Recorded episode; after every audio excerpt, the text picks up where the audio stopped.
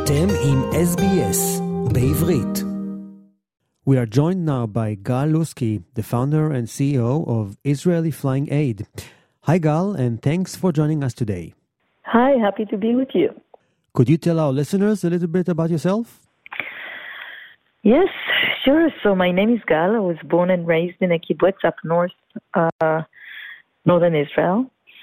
An amazing childhood, and uh, left the kibbutz, struggled for my life and financial security like everyone else uh, in Tel Aviv, having my university until my brother was badly injured in Lebanon. And that's where I stopped to think, to, to you know, to consider whether my life is on the right path. And at that moment, I have decided that uh, it wasn't, since my degree or my money could not buy his mm-hmm. health. And I sat almost for a year at the hospital next to his bed. And when he recovered and chose to go back to the IDF, I flew to Rwanda. Rwanda was the first disaster I was working at. And here I am. So now you are running the Israeli Flying Aid, which was founded by you. It is a non for profit organization that delivers life saving aid and relief to communities affected by natural disaster and human conflict. You must have been asked this question many times, but it's still intriguing. Why focus on helping people in countries that have no diplomatic relations with Israel? So uh, our NGO focuses in two specific uh, areas. In countries, it's true, countries that do not have diplomatic relations with Israel, and in countries that do not allow the entry of life-saving aid into their territories. And why choosing these two? So uh, countries that do not have diplomatic relations with Israel are a bit neglected to the fact that Israel is going and doing an amazing work in countries that are friendly to Israel, and we could see that in Japan in Haiti, in Turkey twice, by the way, not long ago, years ago, there was a terrible earthquake as well. Uh, Nepal and uh, Japan. And uh, they cannot do that. The official Israel cannot do that in countries that we do not have diplomatic relations with. And I felt an urge to compensate civil population who did not have access to official aid. Uh, the other countries we were working at, it's countries that do not allow the entry of life-saving aid, is due to Chapter 7 of the Security Council Charter that defines crime against humanity, genocide, and act of aggression, uh, and does not include prevention of aid under any of these um, uh, definitions, which means preventing of, prevention of aid is legal and allowed, and a regime or a government can prevent from its own or parts of its own civil societies the access for food, water, and medical health following disasters or wild conflicts. And that's where I decided we, as Israelis and Jews, are morally and religiously committed to life saving aid. We should be there and do that. Amazing. Could you describe to us what you usually do when you arrive to a disastrous area and what type of assistance you provide? So uh, we do uh, the basics. We do search and rescue, medical aid, emotional trauma. We mostly focus in women and children, orphans, rape victims, and widows. Uh, we do um, medical, life-saving medical aid, of course, and mass feeding centers. That's what we know to do. We can deploy all four branches. We can deploy just with one of them. So, um, of course, um, complexities involved are mostly the ones uh, that are dealing with well, our own security, working undercover in hostile or enemy countries while providing this aid. I would say the biggest struggle is our own fears. And uh, this is the time and place to say that the volunteers are very, very special and unique. Uh, there are people that were chosen and chose to volunteer their time, and I think the biggest fear of all the undercover unit, at least, is I think by now is the fear of even more than losing our own lives is leaving the rest of what we have on this planet with no compassion. And I think that's very unique to our specific volunteers. Can you name a country where you had a tough time or point out a specific place where you had a real challenge? So I can point Pakistan many years ago. I can point Syria uh, since 2011 until 2018, where we worked from three different borders. Um, you know, it's very emotional. A country you had a an active fight with, um, knowing the victims that the Syrian caused Israel, um, but at the same time, understanding very well that Syrian women and children are out of this game, and we need to be there as we were for anyone else.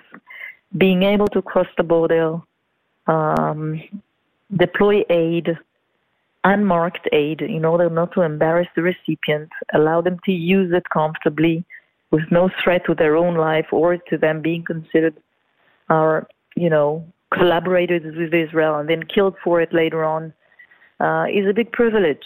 Um, and I think this is one of the top missions we handled. Um, hopefully, in peace days, we could do it openly at all times. You know, seeing wounded or injured people is something that not a lot of people can handle mentally. I guess that you and your volunteers must have the right personality to be able to be in such uh, chaotic areas.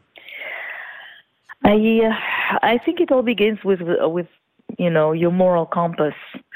Once this is in place, I think everything becomes easier.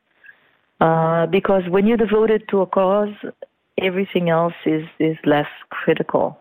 That's what I would say. It's complex. We all have families. We are, we love them. We love ourselves. We love our country. We want to stay alive.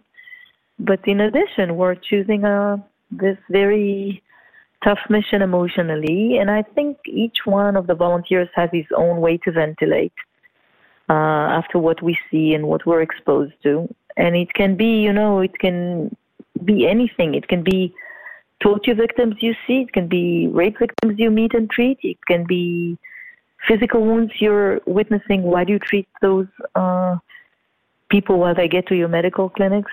Um, but at the same time, it can be a child starving in your hands and and and losing his life just because he did he was not lucky enough to be born somewhere else.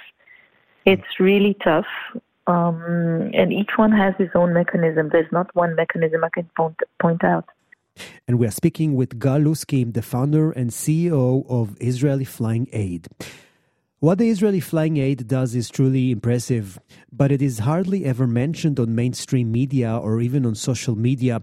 Is it because you prefer it to be carried out under the radar, or because the authorities in those countries refuse to acknowledge that people from Israel had actually helped? Well, it's a good question. First of all, it's I guess it's it's me to blame because I'm not much of a media person, and I do not feel comfortable, uh, you know, running around and, and giving interviews all over. Uh, second, uh, there is a you know there is that thing that we feel you know safer when we work below the radar, and we understand it's time to do and not time to talk, and it can expose us um, expose us to additional threats. So choosing to stay below the radar is, is a natural choice for us. The problem is, and the vicious cycle opens up when we need money and access to potential donors and these cannot come to us unless we go to the media or we expose parts of our missions, I would say. At least the parts we will not go back to anytime closer, mm-hmm. Uh, sooner. So, yes, but it's a it's a dance. It's a dance with the media. Um, we wish we wouldn't have to do it at all to stay safer, but we do need. So, thank you for this opportunity as well. You're welcome. Look, the concept of resilience has been made popular in recent years, especially when you face a personal crisis, a national crisis, or even a commercial or organizational one. For you, it must be a way of life and not just a term. Could you give an example of exceptional resilience? Well, I, you know, I resilience is a big word. It's really a big word. I was uh, consulting to one of the ministries in Israel concerning uh, the resilience of the Israeli civil society for many years.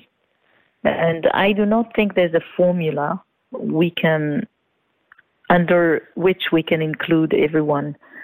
Uh, resilience is something you can definitely uh, work on with children.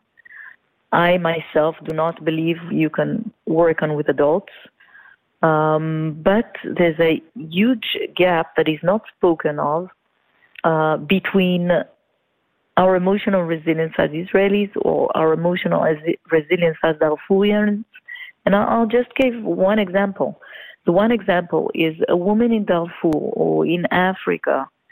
If if her nation is in war or involved with a war, rape is a common tool, is a common weapon to be used at wars.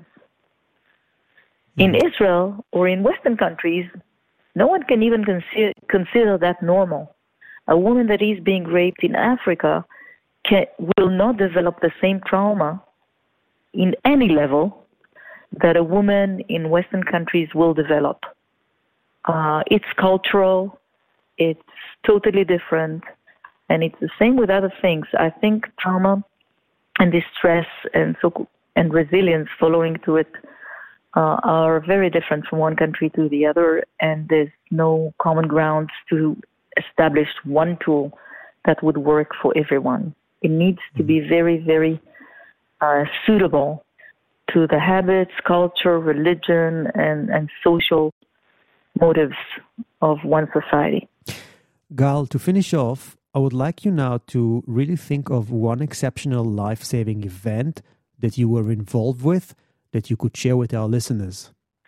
So, uh, a Syrian family in 2014, uh, we helped this family, specific family, to cross uh, to a neighboring country safe because our trucks would come from the neighboring country full with supplies, and when we go back, trucks are empty. So why not helping specific vulnerable population to to flee and to get shelter?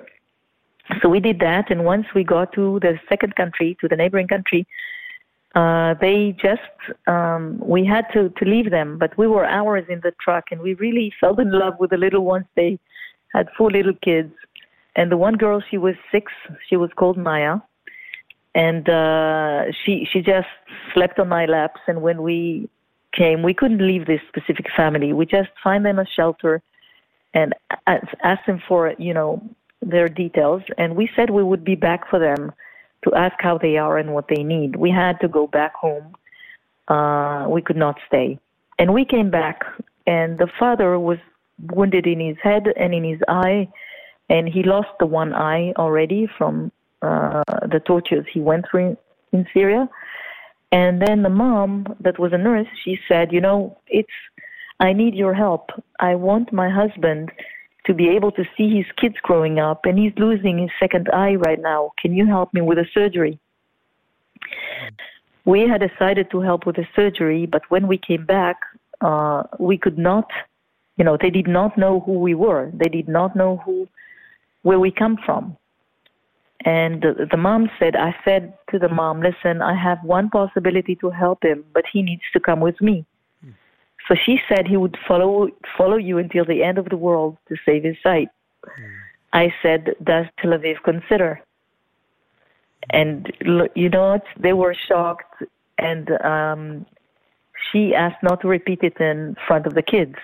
She was willing to protect the kids in case they would be expelled back to Syria at one stage, so the kids would be protected. Mm. But she said, definitely my husband would come anywhere needed. And uh, although his eye wasn't saved in Israel, we had saved his eye. And um, he took a surgery, a very long surgery, and he is seeing right now uh, very well. And uh, they live in Europe. And we, we are still in touch. So the need to lie to your own kids about the people that save your life and help you is terrible. And again, I can only finish this interview with a wish that both sides can, you know, can go public with what we do and what they are allowed to receive. Gal Lusky, the founder and CEO of the Israeli Flying Aid, some amazing things that you are doing together with all your volunteers. Look, I would really like to thank you. It has been a pleasure speaking to you and hearing all the wonderful things that your organization is doing. Wishing you good luck in future missions. Be safe, and hopefully, we'll speak again soon. Thank you for having me. Thank you so much. רוצים לשמוע עוד סיפורים? האזינו דרך האפל פודקאסט, גוגל פודקאסט, ספוטיפיי, או בכל מקום אחר בו ניתן להאזין לפודקאסטים.